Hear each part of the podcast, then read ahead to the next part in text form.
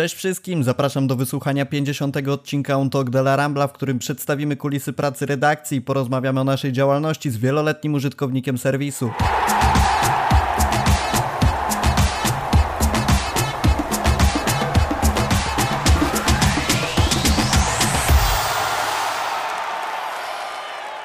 Dzisiaj wyjątkowy podcast, to już 50 odcinek. Dziękujemy wszystkim, że jesteście z nami tak długo. Pamiętamy jak zaczynaliśmy. Nasz warsztat na pewno się poprawił, merytoryka poszła do przodu, ale to, co chcemy Wam dzisiaj zaserwować, jest wyjątkowym wydarzeniem, bo po raz pierwszy w naszym podcaście weźmie udział użytkownik, wieloletni użytkownik serwisu fcbarsa.com Marcin Kudinow, czyli tak zwany Axel F. Znalazłem w Twoim profilu, że Barcelonie kibicujesz od 94 roku, a w samym serwisie spędziłeś już ponad 10 lat, nastukałeś blisko 8400 komentarzy, także naprawdę serdecznie Ci dziękujemy za to, że z nami jesteś, że jesteś z nami w serwisie, że jesteś z nami dzisiaj. To, co Marcin jeszcze robi, to przede wszystkim e, wspiera nas poprzez Patronite'a, jest jednym z 38 patronów serwisu i słowem zapowiedzi dzisiaj też sobie o tym Patronite porozmawiamy, rozwiejemy kilka mitów, powiemy jak to działa, dlaczego tak to działa, przede wszystkim odpowiemy na nurtujące Was pytanie, ile z Patronite'a idzie do naszej kieszeni. W tym wszystkim pomoże nam e, te kulisy odkryje Magdalena Rudnicka, którą możecie kojarzyć e, z pseudonimu Eoren. Cześć Magda. Cześć, witajcie. Słówko jeszcze przypomnienia, czym Magda się zajmuje, bo długo na podcaście jej nie było, ale myślę, że najlepiej powiedzieć w skrócie, że Magda zajmuje się wszystkim od moderacji przez publicystykę. Oczywiście genialna seria artykułów Barcelona w Sepi, czy też jedno wydanie w postaci filmowej na naszym kanale YouTube, którym również Magda się zajmuje pod, od strony koordynacji. Magda przygotowywała grafiki, a także zajmuje się jeszcze ocenami. Naprawdę kawał dobrej roboty. Zanim przejdziemy do rozmowy o serwisie, o YouTubie, o podcaście, mamy dla Was małą niespodziankę. W związku ze zbliżającym się Euro 2020 szykujemy dla Was serię materiałów, podcastów, jak również live'ów ze specjalnie zaproszonymi gośćmi. Dlatego zachęcamy do zaglądania na nasz kanał. My zrobimy co w naszej mocy, aby nie zabrakło Wam ciekawych treści w trakcie tego wielkiego piłkarskiego święta. Mam również przyjemność ogłosić konkurs z nagrodami. Do wygrania jest koszulka stadionowa wybranej przez siebie reprezentacji w wybranym przez siebie rozmiarze. A co zrobić, żeby ją wygrać? Zasady są bardzo proste. Pierwsza z nich należy subskrybować kanał FC Barsa.com na YouTubie, a druga napisać komentarz, kto wygra euro i dlaczego. Dla nas liczy się wasz tok rozumowania, uzasadnienie, to jak postrzegacie Mistrzostwa Europy, a nie czy traficie finalnego zwycięzcę. Komentarze możecie zamieszczać zarówno pod tym odcinkiem, odcinkiem numer 50, jak również pod odcinkami podcastu dotyczącymi już stricte euro. Nie ma znaczenia, czy komentarz będzie pod tym odcinkiem, czy pod odcinkiem numer 51, 52, 53. Nie ma znaczenia, czy napiszecie go wcześniej, czy napiszecie go później. Dla nas liczy się po prostu Wasze uzasadnienie. Wygrany jest tylko jeden, nie przewidujemy nagród za drugie czy trzecie miejsce, a ogłoszenie zwycięzcy będzie miało miejsce w ostatnim podcaście z serii tych dotyczących euro czyli prawdopodobnie tuż po meczu finałowym. Do rozstrzygnięcia zatem jeszcze chwilka, ale wspomnę od razu, że wygrany będzie miał 5 dni od publikacji wyników na napisanie maila na redakcja małpa fcbarsa.com w celu podania adresu do wysyłki nagrody. W przypadku, gdyby wygrany nie zgłosił się do nas w ciągu tych wspomnianych 5 dni, wyłonimy kolejnego wygranego. E, zachęcamy do zabawy. A teraz myślę, że możemy już przejść do głównych tematów naszej dzisiejszej rozmowy. Marcin, od czego zaczęła się Twoja przygoda z kibicowaniem Barcelonie i od czego zaczęła się Twoja przygoda z FC Barsa.com? Cześć, więc tak, moje kibicowanie zaczynało się w 1994. Przekornie, e, jak zwykle, wybrałem drużynę, która akurat przegrała, czyli w Barcelonę. E, od tamtego czasu, e, spotykając się na podwórku i tworząc drużynę, jak zwykle byłem w drużynie przegranej, co zgadzało się z wynikiem finału. W tamtym czasie kibicowałem głównie koszykówce, e, więc e, piłka nożna była dla mnie troszeczkę magiczną grą i liczyły się tylko bramki, a Barcelona straciła ich cztery, ale okazało się z czasem, doceniłem także wszystko, co dzieje się pomiędzy strzelaniem bramek i tu już Barcelona była drużyną zdecydowanie e, ciekawszą niż, niż wynik. Z czasem ta miłość się pogłębiała, a przykora przerodziła się w prawdziwe uczucie. Natomiast e, co do samej strony FC Barca, e, to jak zwykle kibicowanie w latach 90. E, jakiejkolwiek zagranicznej drużynie było przede wszystkim uwarunkowane dostępem do oglądania meczu, do, dostępem do informacji i e, poza telegazetą, z którą zaczynaliśmy pewnie wszyscy kibice tamtych czasów, później delikatnie, kiedy weszła telewizja satelitarna e, i zagraniczne kanały, w których można było oglądać mecze, E, kolejnym krokiem był wchodzący internet i e, w tę lukę, w tą, tą dziedzinę jakby wypełniłem przede wszystkim właśnie strona Barce. Tam się okazało, że można się dowiedzieć wszystkiego, bieżących informacji porozmawiać z e, użytkownikami, również kibicami Barcelony. To było frapujące i nowe doświadczenie internetu i takim pozostało do dziś kibicujesz Barcelonie dłużej niż ja żyję i też dłużej jesteś użytkownikiem serwisu dłużej niż ja, dlatego zastanawiam się, czy nie powinniśmy się teraz zamienić miejscami, ale... E, Rafał, całą wypowiedź Marcina czekałam, żeby się zapytać, czy ty już żyłeś, jak on zaczął kibicować. Nie, nie, ja przyszedłem na świat e, rok później, także... A ja, ży ja żyłam, ja żyłam. Tak jak powiedziałem, poruszymy sobie dzisiaj trochę temat tego, jak wyglądają kulisy pracy naszej redakcji. Ze względu na to, że jest to wyjątkowy odcinek, to troszkę chcieliśmy te tematy piłkarskie zostawić na kolejne odcinki i dzisiaj skupić się na czymś wyjątkowym. Zacznijmy sobie od tego szeroko komentowanego w ostatnich dniach Patronite'a. Ruszyliśmy z e, taką inicjatywą. Jeszcze raz podkreślam, bardzo dziękujemy wszystkim patronom za wpłaty. I Magda, może słówko wyjaśnienia dla naszych słuchaczy, czym w ogóle jest Patronite, jak to działa, dlaczego założyliśmy i po co to w ogóle? Mhm, jasne. Najogólniej ujmując, Patronite jest platformą, która umożliwia autorom, tak jak w tym wypadku cały serwis fcbarsa.com, umożliwia autorom poszukiwanie patronów którzy chcą danego twórcę, albo dany serwis, albo daną instytucję wesprzeć, także finansowo. Autor z kolei odwdzięcza się oprócz tego, że tym, co robi, tak, bo zakładamy, że patronom zależy na tym, żeby otrzymywać te treści, żeby promować to, co robi dana jednostka. E, oprócz tego patronom odwdzięczamy się różnego rodzaju bonusami, nagrodami, rzeczami, które można by określić jako pewne takie premie ponad to, co normalnie wykonuje autor. E, I one dokładnie są opisane w progach. Oczywiście wszystkich, którzy byliby zainteresowani, w ogóle nie znają tego tematu, chcieliby to poznać, zobaczyć, z czym to się je. E, zapraszamy na stronę. Na samej górze fcbarsa.com w zakładce jest taki przycisk Zostań patronem. E, nie zostaje się z marszu patronem, jak to się przyciśnie. Po prostu można sobie poczytać, więc jest to bezpieczne.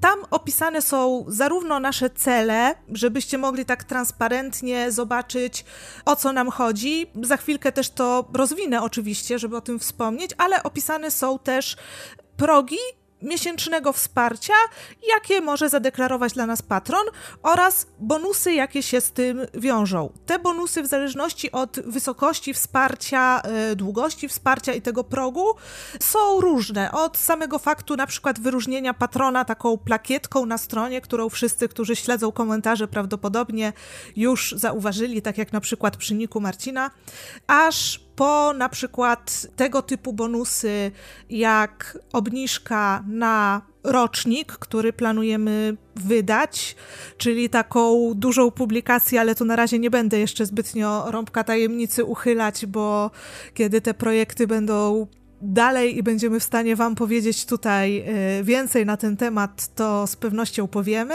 Na razie mogę tylko powiedzieć, że jest to po prostu planowana coroczna, obszerna publikacja publicystyczna dotycząca Barcelony, ale też nie tylko.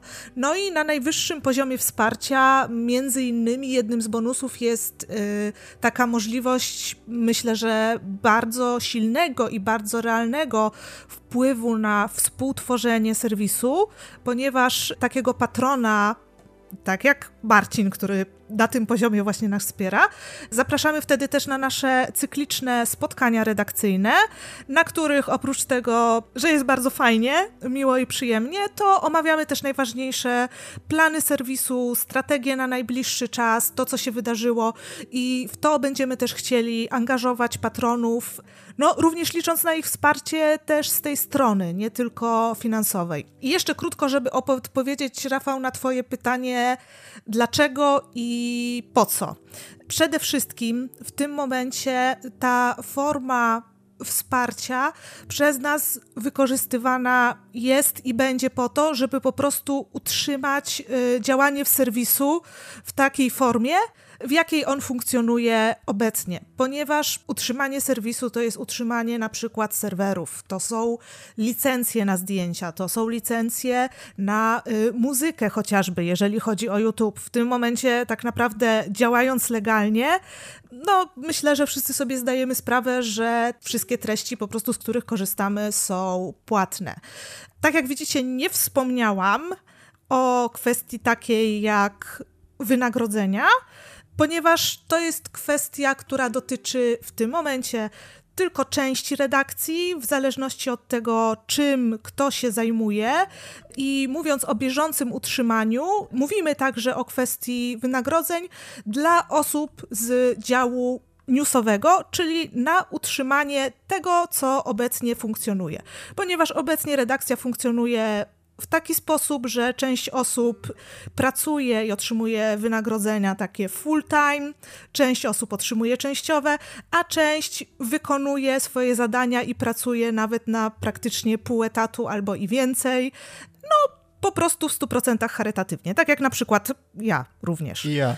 I Rafał, dokładnie. Więc my z Rafałem z Patronite'a raczej w tym momencie nic nie dostaniemy. E, I jeżeli chcecie wiedzieć, ile trafia do naszych kieszeni, do kieszeni nic, trafia na utrzymanie. Natomiast dalsze nasze cele i dalsze nasze progi, bo oczywiście to nie chodzi tylko o to, że chcemy po prostu być tak, jak było, chcemy się też rozwijać. Jak wiecie, słuchacie nas najprawdopodobniej na kanale na YouTubie albo na innych platformach, na których umieszczane są podcasty, e, po to, żeby móc podnosić jakość, ale też, żeby móc realizować tak naprawdę to, co realizujemy w tym momencie, no bo wiele osób poświęca po prostu swój czas jednocześnie pracując na pełny etat, w pewnym momencie niektóre kwestie mogą stać się bardzo obciążające czasowo, po prostu fizycznie przekraczające i mogą wymagać od nas na przykład wsparcia kolejnych osób, yy, dotrudnienia kogoś, kto będzie w stanie nam pomagać w tym, żeby się rozwijać.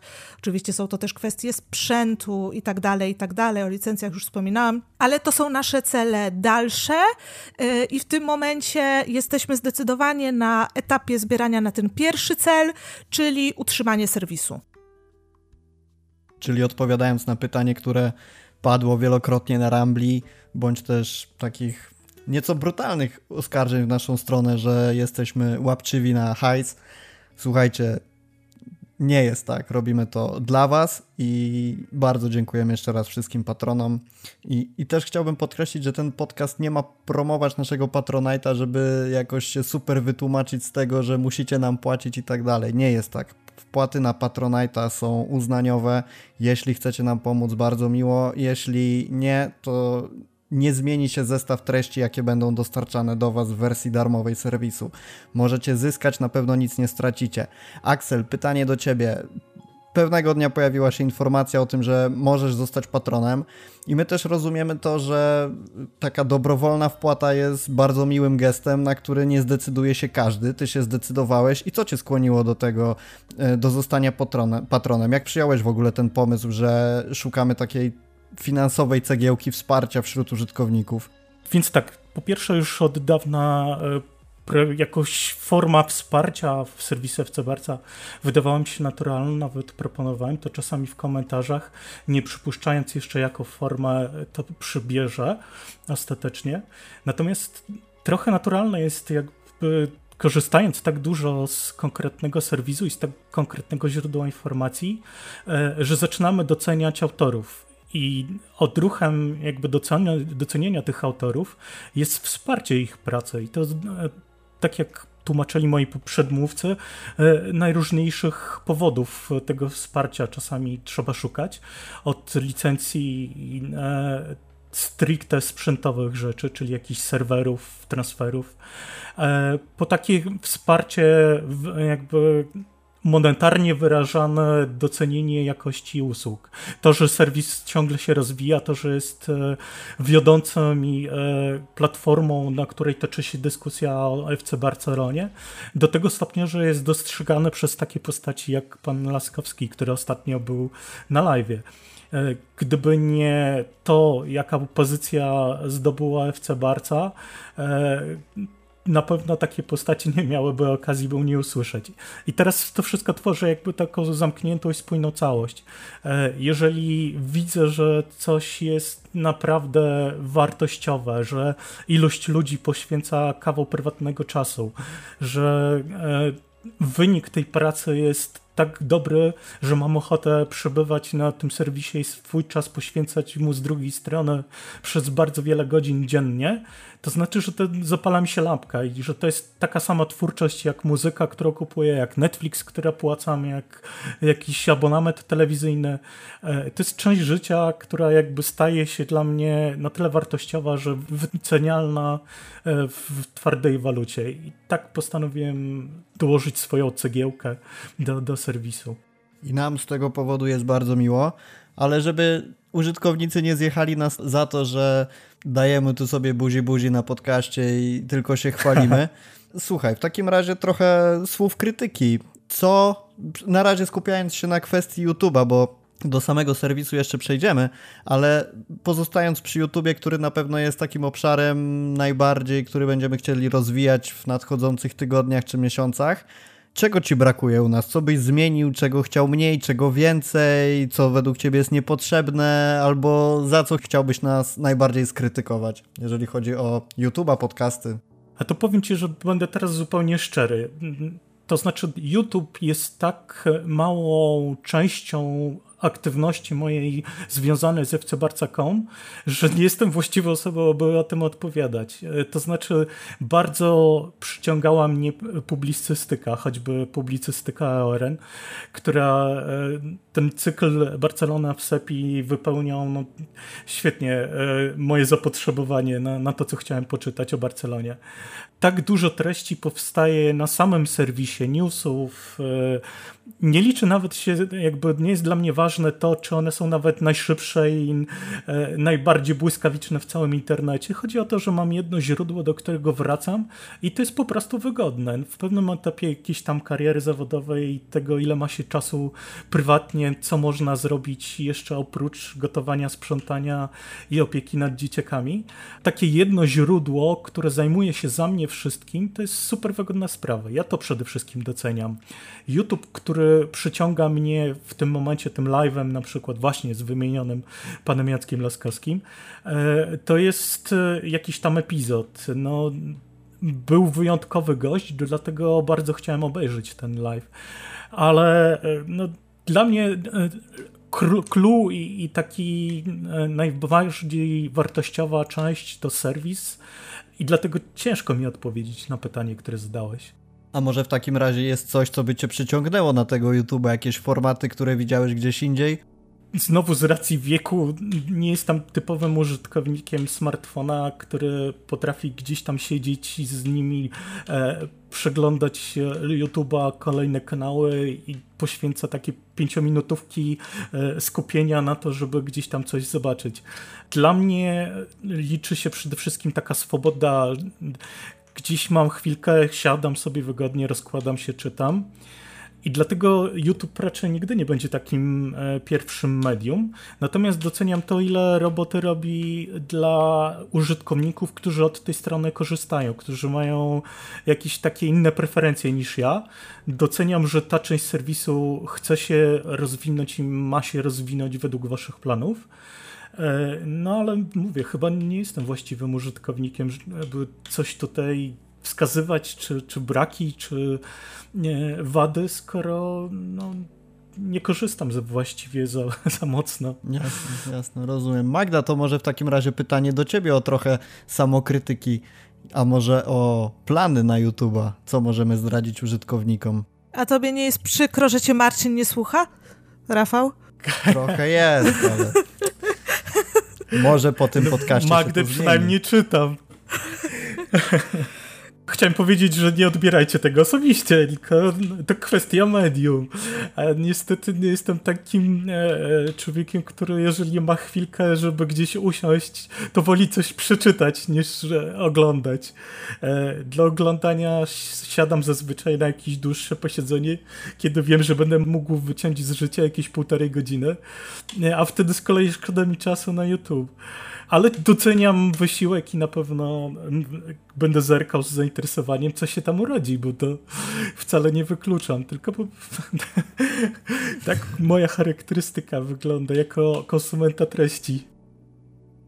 Ja wywołana do tablicy przez Rafała powiem, że y, chyba w bardzo dużym stopniu rozumiem, to znaczy na pewno rozumiem, ale chyba w całkiem sporym stopniu podzielam, bo ja na przykład jestem osobą, która ogląda YouTube, już teraz abstrahując totalnie od naszego kanału, ale mnie te rzeczy, które zwykle uznaje się za tak jakby optymalne pod względem długości, mniej przyciągają niż takie produkcje, które są długie w stylu godzina, półtorej godziny, dwie godziny, więc ja nie mam tego, że zobaczę, o, filmik 10 minut, to kliknę, bo szybko sobie obejrzę. Ja zwykle jak widzę 10 minut, to mam wrażenie, mm, nie opłaca mi się tego włączać.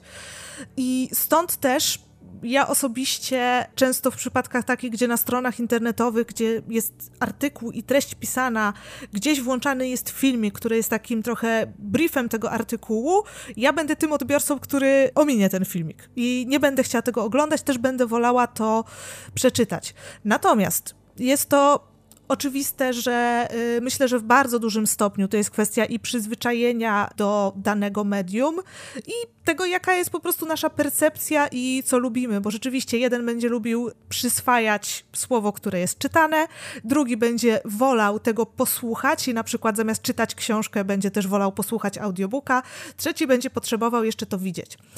Jeśli chodzi o to, o co Rafał zapytałeś, w jakim kierunku chcielibyśmy iść. Myślę, że tutaj spokojnie mogę po pierwsze zapewnić, że na pewno chcemy utrzymać to, co robimy w tym momencie i utrzymać tą regularność, yy, którą mamy, czyli Oczywiście no, od początku powstania naszego kanału y, takim naszym korem jest właśnie ten podcast, y, który tutaj dzielnie tworzysz, Rafał. E, rzeczą, którą wprowadziliśmy dość niedawno, ale okazało się, że e, bardzo fajnie to wychodzi.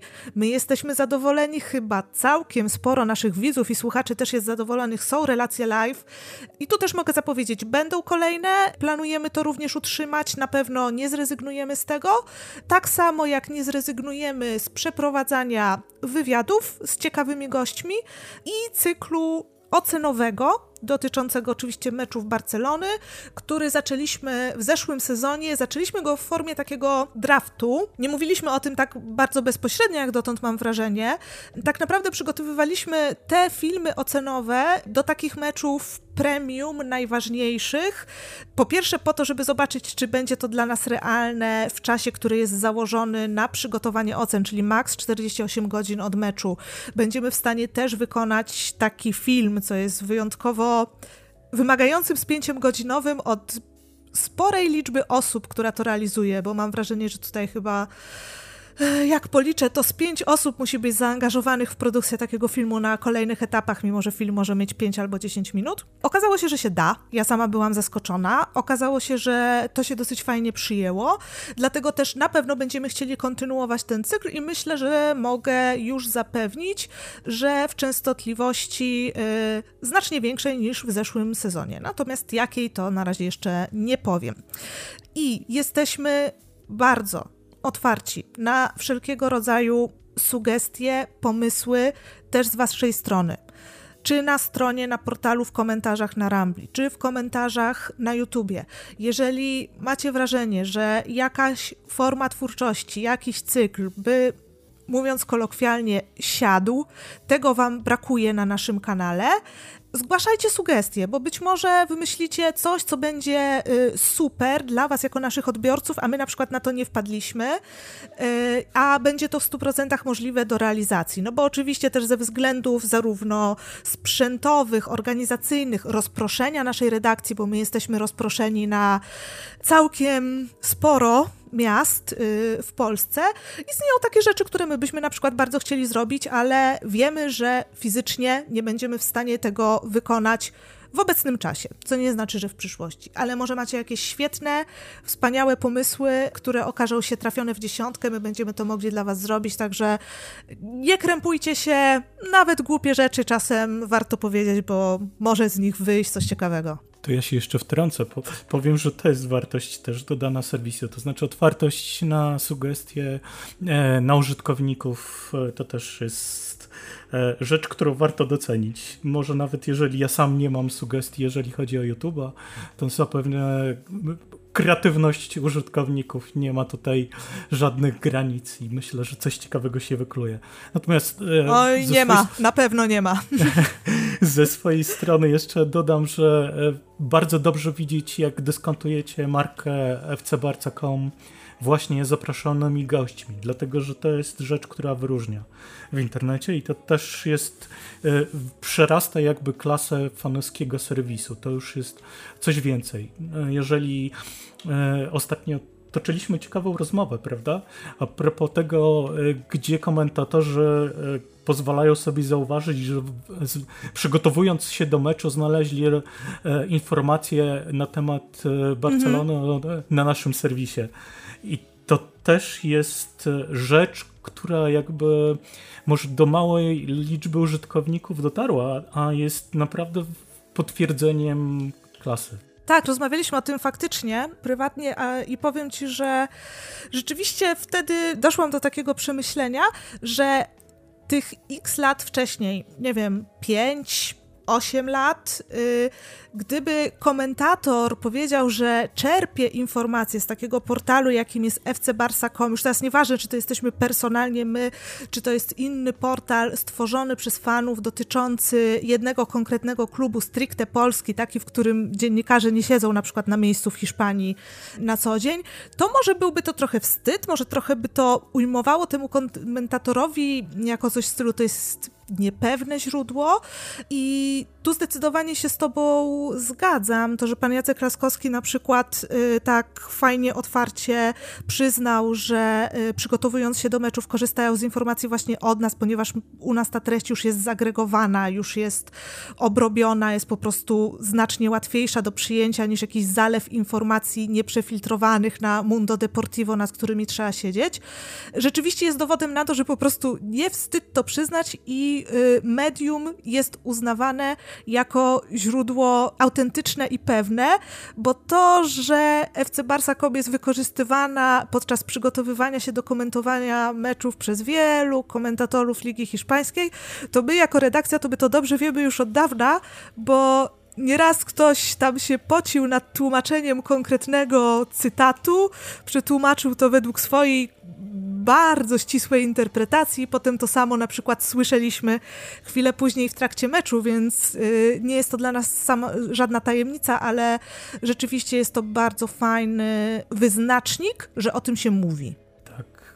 To jest jakby dla strony fanowskiej po pierwsze znak jakości, a po drugie, jakby w takim środowisku dziennikarskim, gdzie zwykło się przynajmniej e, potwierdzać źródło newsów, e, sprawdzać jego e, wiarygodność, to też jest duży e, jakby punkt na honorze, zielony tik, że, że tak osiągnęliśmy już coś, że staliśmy się sami wiarygodnym źródłem, bo te źródła z kolei, na które sami się powołujemy, też jakby nie mylimy się, nie, nie przekłamujemy tłumaczy, nie wymyślamy to jest coś wartościowego.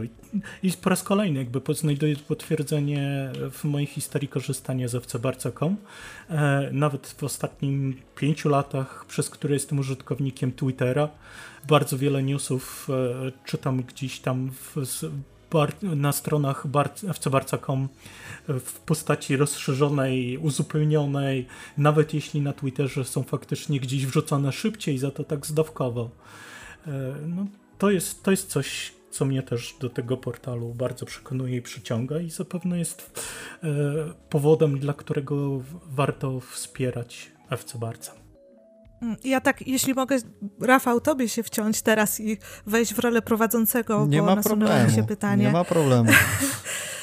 Czyli ty na przykład, Marcin, nie przedłożyłbyś tego, żeby y, informacje i newsy pojawiały się szybciej, gdyby istniała taka powiedzmy fizyczna możliwość, y, nad rozbudowanie i szczegółowość tych newsów. Już pytam stricte o newsy, nie? Pomijając publicystykę, tylko o aktualności.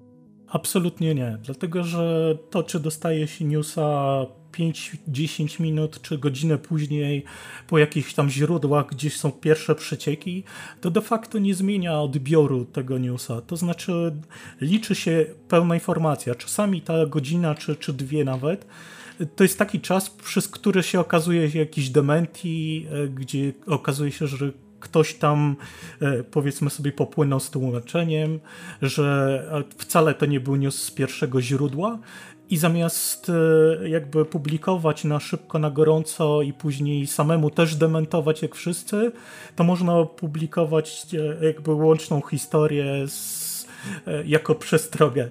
A po drugie, dla samych użytkowników, którzy chcą być strasznie na bieżąco, są takie rzeczy jak Twitter, i użytkownicy FC Barca Info, którzy e, e, byli doceniani, jak widać, przez znaczne grono.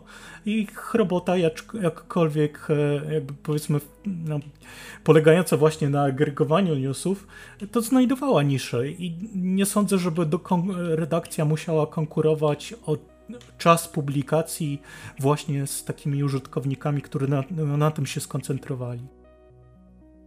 A jak już jesteśmy w temacie użytkowników, to możemy sobie przejść płynnie do tematu, o który chciałem Cię podpytać. Dokładnie o La Ramble, bo udzielasz się tam oczywiście, widzieliśmy Twoje komentarze. Czym w ogóle jest dla Ciebie La Rambla, jak ją odbierasz i czy w Twoim podejściu jako takiego użytkownika, który lubi, e, ja tak Cię odbieram po naszej rozmowie, e, który lubi właśnie spokój, raczej treść aniżeli tempo dodawania informacji i taką bardzo publicystyczną formę, dokładną formę, która, no nie ukrywajmy, odbiega od tego, co się dzieje na Rambli, bo jest to forum dyskusyjne, gdzie możesz porozmawiać o modelu silnika, a za chwilę dostać przepis na kurczaka. I jak się odnajdujesz w Rambli? Czym ona dla ciebie jest? Powiem tak, z tym przepisem na kurczaka to modę wyznaczyły e, stacje telewizyjne transmitujące Ligę Mistrzów, więc nie jest to koniecznie zły wzór, jak widać.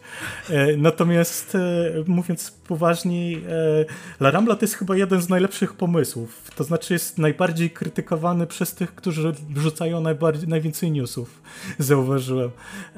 A tak po prawdzie kanalizuje wszystkie rzeczy, które się wcześniej znajdowały pod newsami. Wszystkie treści nie na tematy piłkarskie, wszystkie treści, które ktoś miał jakąś potrzebę się podzielić e, i wcześniej właśnie zaśmiecały główne newsy.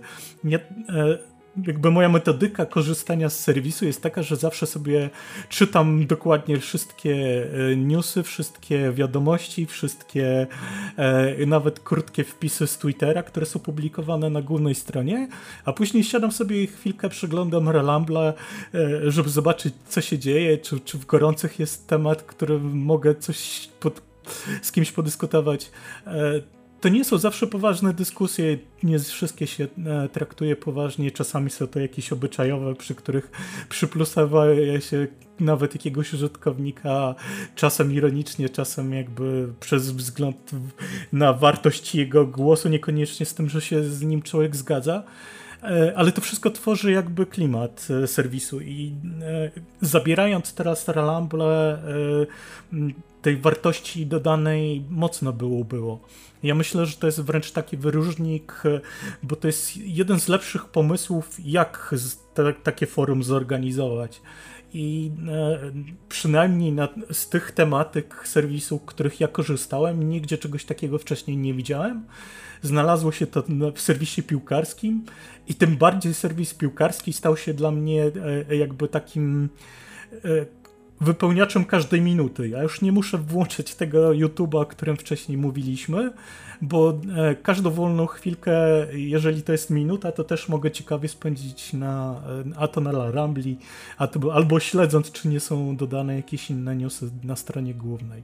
I to, i to już samo w sobie świadczy o, o roli tej Rambli. Ja chciałam tylko dodać z perspektywy no, prawie już od 10 lat redaktora serwisu yy, i osoby, która była przy kulisach wymyślania, tworzenia La Rambli i dobrze to pamięta, że yy, strasznie mnie cieszy, bo rzadko od kogoś się to usłyszy, ale chyba ważna jest tutaj, Marcin, twoja po prostu długofalowa perspektywa obcowania z serwisem, że to, co powiedziałeś, czyli kanalizacja tematów, które już były, zawsze istniały, tych rozmów, które ludzie tworzyli zwykle pod newsem głównym, czyli jak to mówimy w naszym slangu w redakcji mamutem, tym, który wyświetla się e, z największym zdjęciem na stronie głównej. Tamte dyskusje po prostu mm, no, tolerowaliśmy siłą rzeczy, mimo że nie dotyczyły newsa. I właśnie po to, właśnie to było celem stworzenia Rambli, żeby pozwolić zachować tę przestrzeń do tego typu rozmów o przepisie na kurczaka yy, i o tym, jaki olej do silnika. Yy, nie odebrać tego ludziom, ale też oczyścić z tego artykuły i pozwolić jednocześnie zachować tą przestrzeń do rozmowy pod artykułami, na tematy artykułów, więc fajnie jest rzeczywiście mieć potwierdzenie, że to jest widoczne dla tak długoletniego użytkownika jak ty. No i jednocześnie dla mnie na przykład bardzo miłą informacją jest też to, ponieważ coraz częściej, coraz więcej tych dyskusji przenosi się na Rumble i nieraz, nie dwa obserwuję i na przykład nie ukrywam, że może to irytować członków redakcji, a zwłaszcza redaktorów, którzy piszą aktualności, jeżeli na przykład jest news, na dany temat. W nim jest oczywiście sekcja komentarzy i widzimy, że te same tematy przenoszą się niezależnie od tego na Ramble. Natomiast chciałam wspomnieć, bo pewnie nie wszyscy wiedzą, a ja się dowiedziałam przygotowując takie statystyczne podsumowanie zeszłego roku, że Axel jest jednym, na pewno w top 3, wydaje mi się, że na drugim miejscu, ale skłamać nie chcę, yy, najczęściej komentujących pod artykułami użytkowników, za co myślę nieobecna dzisiaj na naszym podcaście, ale stale goszcząca Julia Cicha będzie bardzo wdzięczna, bo wiem, że Julce bardzo na sercu leży to, żebyście te artykuły komentowali. Ja jeszcze ze swojej strony z kolei e, dodam, że e, sama ta La Rambla e, często pokazuje drugą twarz użytkowników. To znaczy, często dyskusja o samej piłce, która, czy, czy drużynie, która z nas łączy i bezdyskusyjnie jest jakieś tam pole, gdzie znajdujemy wspólne poglądy, przynajmniej na choćby jakimś tam poziomie elementarnym tak przenosząc e, no, do, się do dyskusji na Rambli, okazuje się, że jesteśmy czasami zupełnie różnymi ludźmi. I to też bywa odświeżające, jeżeli chodzi o, o taki um, odbiór treści tego, co, co ludzie mówią, co ludzie piszą. No i dla mnie to też już jest kolejna jakby wartość, którą sama La Rambla wnosi do serwisu. E, daje użytkownikom poznać siebie nawzajem. Obiecaliśmy odsłonić trochę kulisów pracy redakcji. Tutaj znowu pytanie do ciebie, Magda, czy mogłabyś takie kulisy trochę odkryć przed naszymi słuchaczami?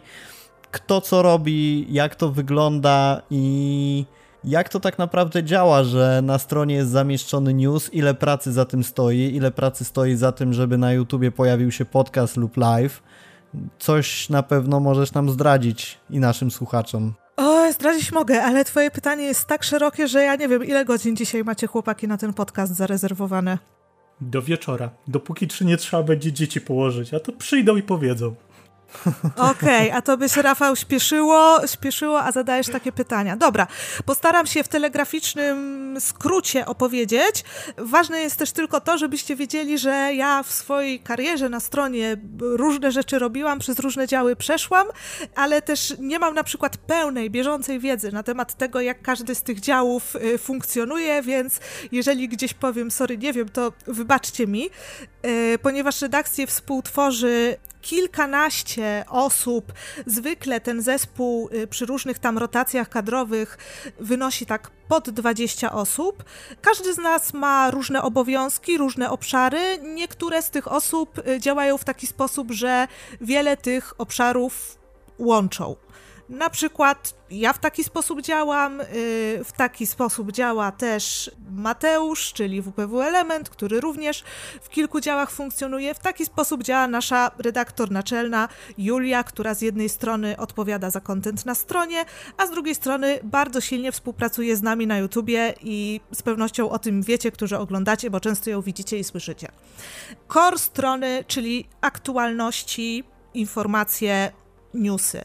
Jest ścisły zespół newsowy osób o bardzo dobrej znajomości języka hiszpańskiego. To też jest taka troszkę informacja perspektywiczna, bo ja sobie zawsze wspominam czasy, kiedy ja dołączałam do redakcji, czyli 2012 rok. Ja wtedy nie wziąłam hiszpańskiego, zero ja się języka uczyłam tak samo katalońskiego, po prostu yy, tłumacząc newsy na FC Barsa.com. Ale teraz już to tak nie wygląda i cała profesjonalizacja redakcji, to do czego staramy się dążyć, wpływa już na to, że w tym momencie do tego działu newsowego poszukujemy i przyjmujemy wyłącznie osoby z bardzo dobrą znajomością języka hiszpańskiego i jednocześnie takiego branżowego języka hiszpańskiego, bo to, że ktoś na przykład nauczył się go na studiach, ale słownictwo stricte piłkarskie może nie być mu znane, jest naprawdę potencjalnie chodzącą bombą. Jest więc to zespół Julii i zespół newsowy działa na zasadzie takiej, że są dyżury. Każdego dnia jest redaktor prowadzący, który ma daną pulę tematów, które oczywiście gdzieś tam wcześniej wiadomo, że coś się pojawi, na przykład będzie konferencja, y, ale też takich, które na bieżąco należy śledzić, przekazywać na stronę. Oprócz redaktora prowadzącego jest zwykle też redaktor pomocniczy, który po prostu w mniejszym wymiarze w danym dniu również wspiera, tłumacząc i przekazując treści na stronę. Oprócz tego mogę wspomnieć oczywiście o publicystyce. Publicystyka, myślę, że możemy powiedzieć, dzieje się jakby w tle, tak naprawdę jest dość otwartym działem, w którym każdy, kto ma możliwości, ma chęci i y, ma potem kompetencje, może spróbować i przekazać swoje myśli, to dzieje się zupełnie niezależnie od newsów, my tylko się musimy po prostu ze sobą kontaktować. Kolejnym bardzo ważnym działem y, jest dział ocenowy, który niedawno kończył chyba nie chcę skłamać, w zeszłym roku na pewno, jak nie wcześniej, 10 lat. E, od 10 lat oceniamy, wystawiamy noty, oceniamy mecze e, i zespół działa w taki sposób, że również jest to kilka osób chłopaki w tym momencie, chłopaki dzielą się pomiędzy sobą y, meczami, które są w kalendarzu na dany dzień i ten z redaktorów, który jest publikującym, w pełni odpowiada za y, wystawione noty, za treść ocen. On jest tak jakby ostatecznie klepiącym to, co pojawia się y, na stronie, ale jednocześnie zawsze praktycznie zawsze no, zdarzają się sytuacje podbramkowe, że wygląda to inaczej. Inny wtedy członek z zespołu wspiera go albo kilka osób jako redaktor pomocniczy, który albo podsyła na przykład swoje sugerowane noty, albo podsyła swoje obserwacje. Jest u nas na przykład Andrzej, który co prawda nigdy nie był bezpośrednio redaktorem publikującym oceny, ale w bardzo, bardzo wielu przypadkach podsumowuje mecze, przekazuje dokładne swoje obserwacje z wszystkimi minutami i układa zawodników alfabetycznie, co denerwuje wszystkich, a nie pozycjami. Tak wygląda praca w zespole ocenowym. No to jest praca bardzo mm, terminowa, y, bardzo wymagająca y, silnej, silnej organizacji. Ja już wspomniałam wcześniej o filmach ocenowych, bo tu mamy ten moment, że nam się działy zazębiają. E, więc teraz zespół YouTube, który jest zespołem moim właśnie y, oraz Mateusza, y, przez nas koordynowanym, tak naprawdę bardzo silnie współpracuje z tym działem ocenowym i tworząc ten projekt filmów, które są dołączane do ocen, które też w żaden sposób nie eliminują ocen w formie pisanej, tych, które widzicie na stronie, są tak naprawdę dodatkiem i są właśnie taką dywersyfikacją treści. To jest trochę to, o czym wcześniej wspominaliśmy. Czyli jeden woli czytać, inny woli oglądać, inny woli tego posłuchać. W tym wypadku, tak naprawdę, jeżeli powstaje film, to my współtworzymy te oceny wspólnie i tu jest bardzo silna żonglerka terminami, ponieważ mamy 48 godzin na przygotowanie całego takiego filmu, powiedzmy 8-10 minutowego, i w tym czasie musi zostać przeanalizowany mecz przez jedną osobę, muszą zostać wystawione oceny przez tą osobę i krótkie notatki. Ja muszę zdążyć napisać z tego scenariusz, musimy przygotować przygotować statystyki, przeliczyć e, w plikach, które tam sobie prowadzimy, rankingi. To musi trafić do Mateusza, napisany przeze mnie scenariusz, który również jest naszym lektorem wśród wielu obowiązków. On musi to nagrać, musi to zmasterować, po czym przekazuje to do naszego montażysty wideo, czyli Pawła, który musi to zmontować, a potem upload na YouTube, który potrafi trwać, no myślę, że w przypadku takiego krótkiego filmu to będzie bliżej pół godziny niż godziny, ale czasem musimy być nawet i na kilka godzin przygotowani, więc ja na początku w ogóle jak zaczynaliśmy to robić, to szczerze mówiąc, ja nie wierzyłam, że to jest realne do wykonania w takim czasie przez taką liczbę osób, osób, które w większości pracują też na pełen etat w innych miejscach. Tak jak na przykład ja, ja sobie po prostu y, robię okienka w pracy po to, żeby napisać ten scenariusz. Tak sobie robiłam w kalendarzu. Także trzymajcie kciuki za przyszły sezon. No i dział YouTube. Myślę, że powiem jeszcze króciutko o dziale YouTube i o dziale moderacji. Dział YouTube, tu już myślę, że powiedziałam przede wszystkim o tych formach, które y, przygotowujemy. Mogę dodać, że dużo osób, które pracują w ramach tego działu, łączy pomiędzy sobą obowiązki i tak naprawdę tu nie mamy takich bardzo, bardzo y, skonkretyzowanych ról, bo na przykład ty, Rafał, jesteś i prowadzącym w podcaście, i na przykład montowałeś też wideo. Mateusz z kolei odpowiada za na przykład realizację live'ów, yy, nagrywa jako lektor, yy, masteruje audio oraz również przygotowuje wideo w ostatnim czasie, zaczęliśmy się uczyć. E, ja odpowiadam i za scenariusze, i pojawiam się na podcaście, no i w naszym kanale uczestniczy też i bardzo nam na tym również zależy.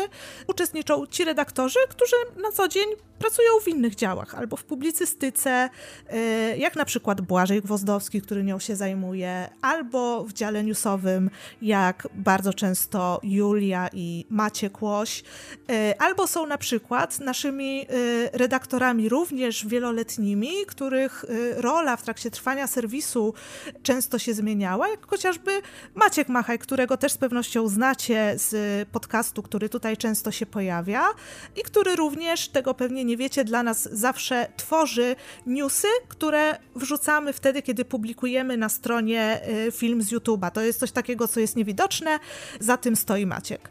No i jest jeszcze moderacja. Jak wygląda moderacja? Moderacja zaczyna się rano, jak się wstanie, to wtedy moderuje się wszystko, co ewentualnie działo się yy, w nocy. Jeżeli był mecz, to jest tego dużo. Potem zgłoszenia są monitorowane. Y, jeżeli czas jest spokojny, to mniej więcej co godzinę. Jeżeli czas jest intensywny, a dość często jest intensywny, to nawet i co parę minut jest konieczność odświeżania panelu.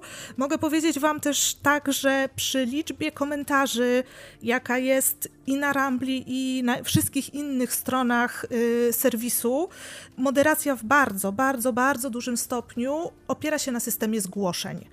I Oczywiście my też patrzymy na Ramble y, wtedy, kiedy jest taka możliwość, albo wtedy przede wszystkim, kiedy jest też taka konieczność y, i przeglądamy, natomiast bardzo tutaj liczymy na aktywność ze strony użytkowników, y, też na taką uczciwą, poprawną aktywność, czyli nie zgłoszę kogoś y, taśmowo, bo na przykład go nie lubię albo ma brzydki awatar, ale wtedy, kiedy rzeczywiście widzicie, uważacie, że ktoś łamie regulamin, że to powinno ze strony zniknąć.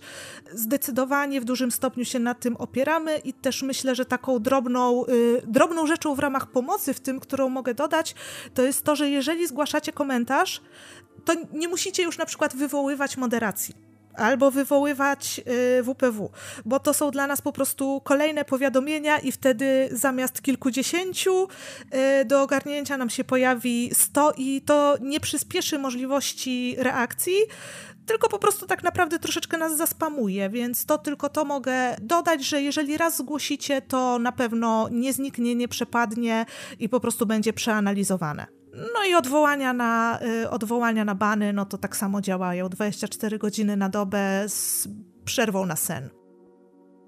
Wow, wow, wow. I tak wygląda praca, coś co yy, można najlepiej określić mianem góry lodowej, bo ile pracy jest włożone w to, co jest niewidoczne. Ja słuchajcie, od siebie dodam tylko, widziałem pracę moderatorów na żywo i jak zobaczyłem to pierwszy raz, to dla mnie było coś po prostu niesamowitego, ile czasu można poświęcać na takie rzeczy i naprawdę to trzeba po prostu docenić.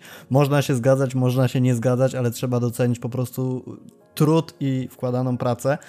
Słówko ode mnie jeszcze o tym, jak wyglądają podcasty, bo często zastanawiam się, ja sam w komentarzach się to co prawda nie przewijało, ale gdzieś ta e, dusza perfekcjonisty skłania do refleksji, że podcasty są wydawane dosyć późno względem tematów, jakie się pojawiają. Tutaj Axel powiedział, że e, jednak wartość merytoryczna ponad szybkość uploadu. Natomiast też to, jak działamy w tej części podcastowej jest nieco mm, spowodowana chęcią dostarczania Wam jak najlepszej jakości, czy to pod względem audio, czy to pod względem właśnie treści. I samo ustalenie podcastu, często daty nagrania podcastu bywa trudne, bo po prostu ludzie pracują i większość naszych podcastów nagrywamy w godzinach późno wieczornym, żeby, późno wieczornych, żeby wszyscy zdążyli już położyć dzieci, e, zjeść kolację i przede wszystkim przygotować się do tego, co również zajmuje dużo czasu, bo nie zależy nam na tym, żeby przeczytać newsa albo wrzucić to, co już było wrzucone na Twitterze kilkanaście razy, tylko żeby rzeczywiście za tym stał jakiś fundament merytoryczny, coś ciekawego. Mi przygotowanie do podcastu jako prowadzącemu zajmuje mniej więcej 4 godziny średnio, biorąc pod uwagę zebranie tematów, biorąc pod uwagę opracowanie sobie statystyk, wydarzeń i też takiego przygotowania pod kątem tego, jak po 15 minutach przestaje się kleić rozmowa, to co robimy dalej. I też, jeżeli zdradzamy kulisy, to nie zawsze jest to przygotowanie o godzinie 16 do 20 nagranie. Często tak się złożą wydarzenia w Barcelonie, że po prostu trzeba wstać przed pracą o godzinie 5 czy 6 i te tematy sobie przygotować. Jakkolwiek nie chodzi mi tutaj o narzekanie, tylko jeżeli odkrywamy karty, to odkrywamy karty. A co do tego, e, jak wygląda nagrywanie ocen i praca zespołu YouTube'owego, uwierzcie mi, nic tak nie denerwuje prowadzącego podcastu, jak informacja od Mateusza, że tego dnia nie puścimy podcastu, bo wychodzą oceny. I wtedy ja dostaję ja białej gorączki, że ktoś mi się wcina z terminem, ale niestety Mateusz montuje te podcasty, więc mam małe pole do popisu ze swoimi argumentami, co jest ważniejsze, a co jest y, mniej ważne. E, może potraktujmy to jako pytanie do Was, czy chcecie częściej oceny, czy chcecie podcasty. Niech Rambla nas zweryfikuje. Axel, wracamy do Ciebie. Jako wieloletni użytkownik tej strony na pewno obserwowałeś to, co się zmieniało zarówno pod kątem jakości treści, ale też yy, tego, jak strona wygląda graficznie. Mamy nowe logo. Jak odebrałeś yy, tę zmianę, która też wywołała dosyć sporą burzę i przy okazji ukłony dla Roberta, który jest naszym grafikiem i robi kapitalną robotę w kwestii miniatur, materiałów na social media, czy właśnie zaprojektowania nowego logo. Powiem tak, że dla mnie logo jest bajerne. To znaczy e, ładnie wygląda, komponuje się, spójne z kolorystyką strony. Nie wiem, czemu miałbym się czegokolwiek w nim czepiać. Natomiast mówiąc już o samej stronie, faktycznie przez te lata i jakby pamiętając od czego się startowało z takiego szablonu niemalże, gdzie tam ta belka się przesuwała po jednej stronie, po drugiej stronie była ta, ta główna część wydzielona na samą treść, u góry jeszcze jedna belka i to było tak, wyglądało troszeczkę jak dzisiaj strony z tych takich maszynek do, do robienia stron. Natomiast już wtedy jakby nawet ten słabo e, wizualizację, tą słabą formę graficzną wypełniała dobra treść, która przyciągała na tyle dużo ludzi, że ta treść jakby, że ta wizualna część e, musiałaby zostać poddana renowacji z upływem czasu. I kierunek tych renowacji zawsze był w, dobrym, w dobrą stronę biegu.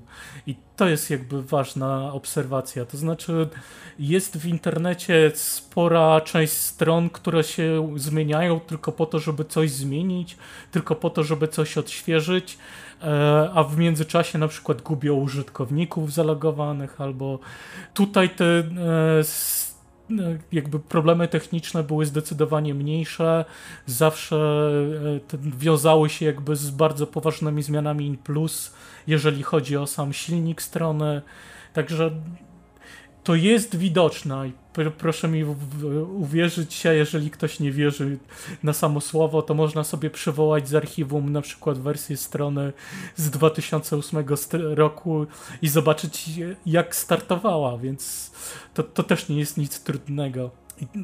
Da, bardzo pouczające doświadczenie zresztą. Z mojej strony jeszcze jakby chciałbym też nawiązać do tego, co mówiliście o e, samej e, pracy i ilości pracy bo to też jakby nie miałem okazji. No, ciągle warto podkreślić, że robicie to hobbystycznie i charytatywnie, także to przede wszystkim szapoba. No, bardzo dziękujemy.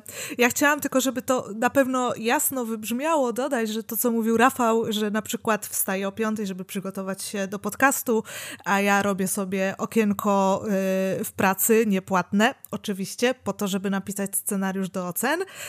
Y, to nie jest tak, żeby wam płaczemy i że, nie wiem, ktoś stanął, przyłożył nam y, broń do głowy i kazał, róbcie to. My to totalnie robimy dlatego, że chcemy.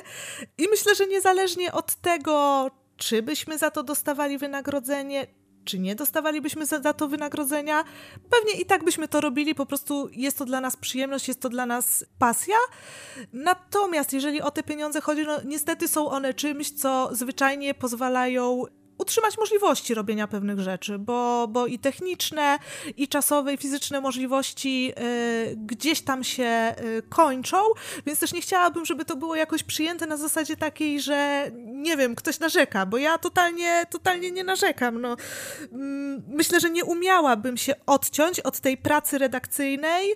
Wielokrotnie się nad tym zastanawiałam, czy bym była w stanie i na razie w ogóle nie widzę takiej swojej perspektywy, żebym ja mogła się wyautować z redakcji bo nawet jeżeli się czegoś nie robi, w danym momencie bezpośrednio nie pracuje nad jakimś materiałem, to tak jak słuchałam Rafała, to doszłam też do wniosku, że ilość czasu, jaką my chociażby poświęcamy na WhatsAppie, na dyskusję i obrócenie 500 razy danego tematu, zanim coś zrobimy, pokłócenie się milion razy, zanim ustalimy, jak chcemy zrobić, to też naprawdę jest bardzo duży czas. I dla mnie chyba, myślę, że Rafał w sumie dla ciebie też, to praktycznie nie ma takich dni bez fcbarsa.com od strony redakcyjnej, nie?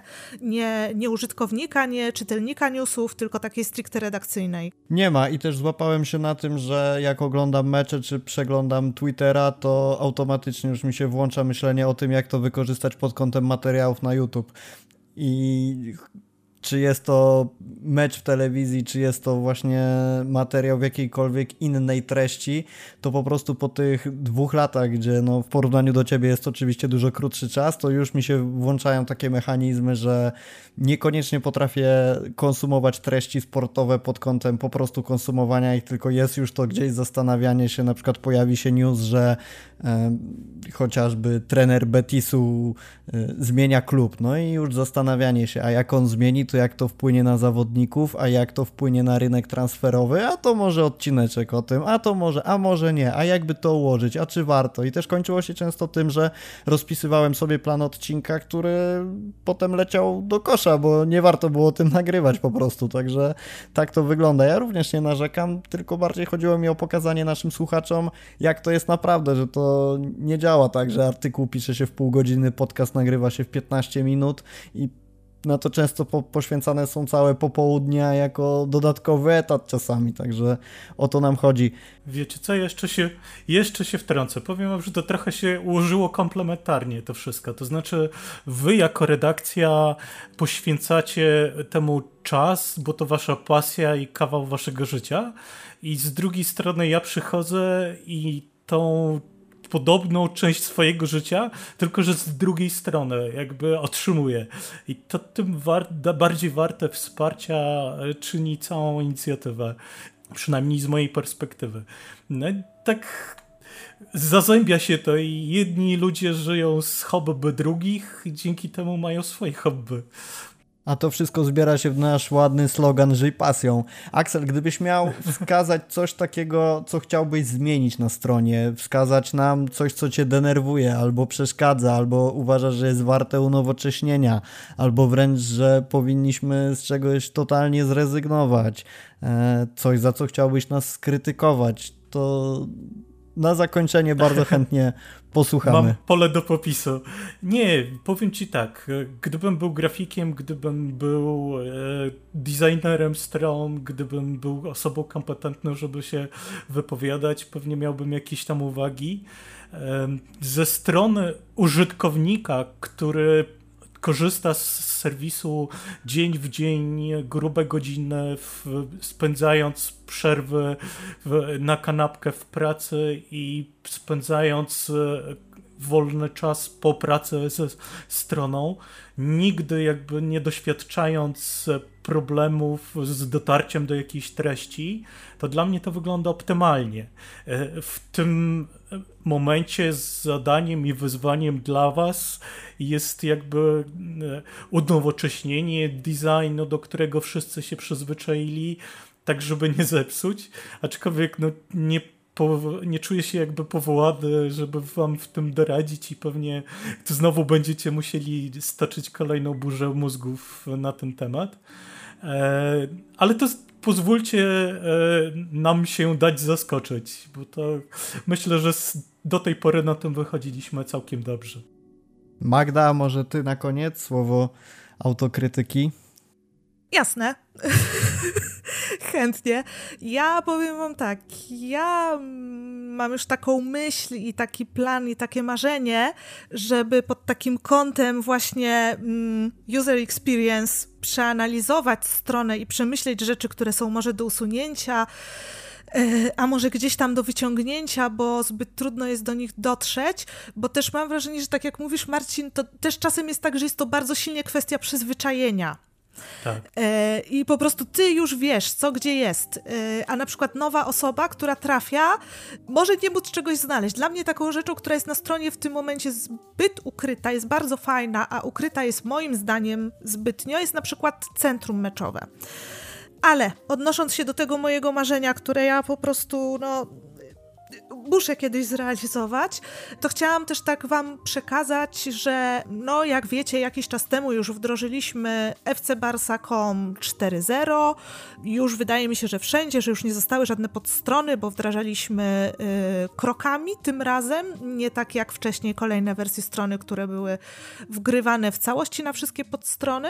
Y, szata graficzna się zmieniła, logo się zmieniło, ale jest też kwestia, do której chciałam się odnieść. Ona jest dość często a przynajmniej czasami podnoszona przez niektórych użytkowników, czyli wydajność strony. Mianowicie wydajność strony wtedy, kiedy bardzo dużo osób y, jednocześnie wchodzi na stronę, czyli zwykle kiedy są jakieś wydarzenia, jakiś głośny mecz, coś nagłego się stało. Tutaj chciałam wspomnieć o tym, że pada wtedy bardzo często hasło y, serwery i te chomiki, które nam serwery napędzają, nie są karmione. Y, chomiki są nakarmione. nie jest to kwestia przepustowości serwerów, tutaj nie ma problemu.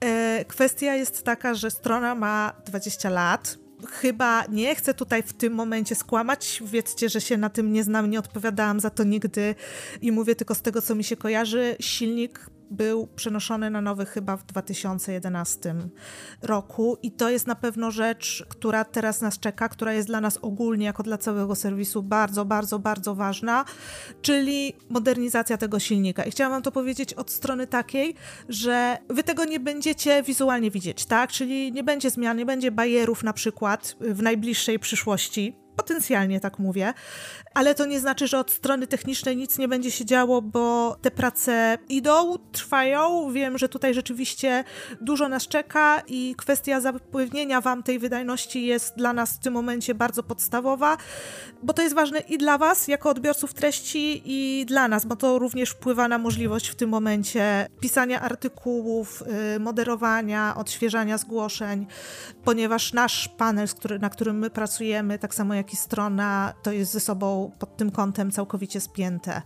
Więc wiemy, jesteśmy świadomi, pracujemy, nie przesypiamy tego, Was prosimy o cierpliwość i zapewniam, że nie jest to y, kwestia związana z serwerami, ani tym bardziej z jakimś ignorowaniem przez nas tego problemu.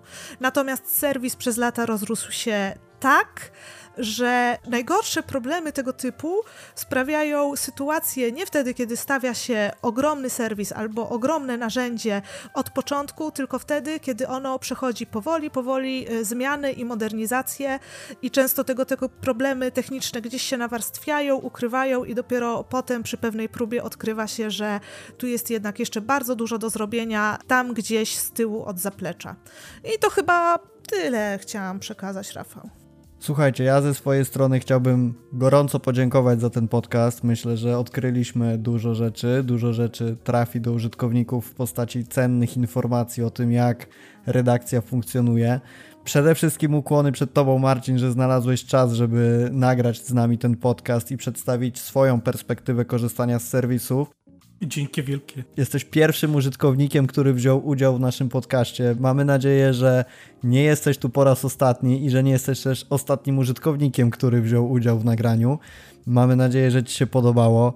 Magda, serdeczne dzięki za, za masę tych tajników, które udało Ci się zebrać i nam przekazać. Przypominam na zakończenie o tym, że mamy konkurs. Zasady będą spisane w opisie, są przedstawione na początku tego odcinka. Jeżeli jakimś trafem nie oglądaliście go, nie słuchaliście od początku, zachęcamy do wygrania koszulka stadionowa w wybranej przez siebie reprezentacji, w wybranym przez siebie rozmiarze.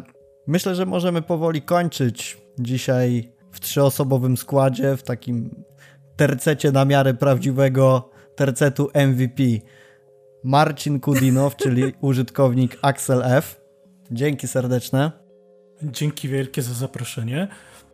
Ja też bardzo chciałam podziękować Marcinowi. Cieszę się, że mieliśmy okazję pogadać na y, podcaście i chciałam Ci przekazać, że w plebiscycie Złotej Piłki to ja Ci zawsze daję piąteczkę. Dzięki. Mało medialny jestem, więc pewnie nie mam okazji do wygrania, ale doceniam bardzo. Dobra, kończymy. Dzięki. Do usłyszenia wszystkim. Dzięki. Cześć. Cześć.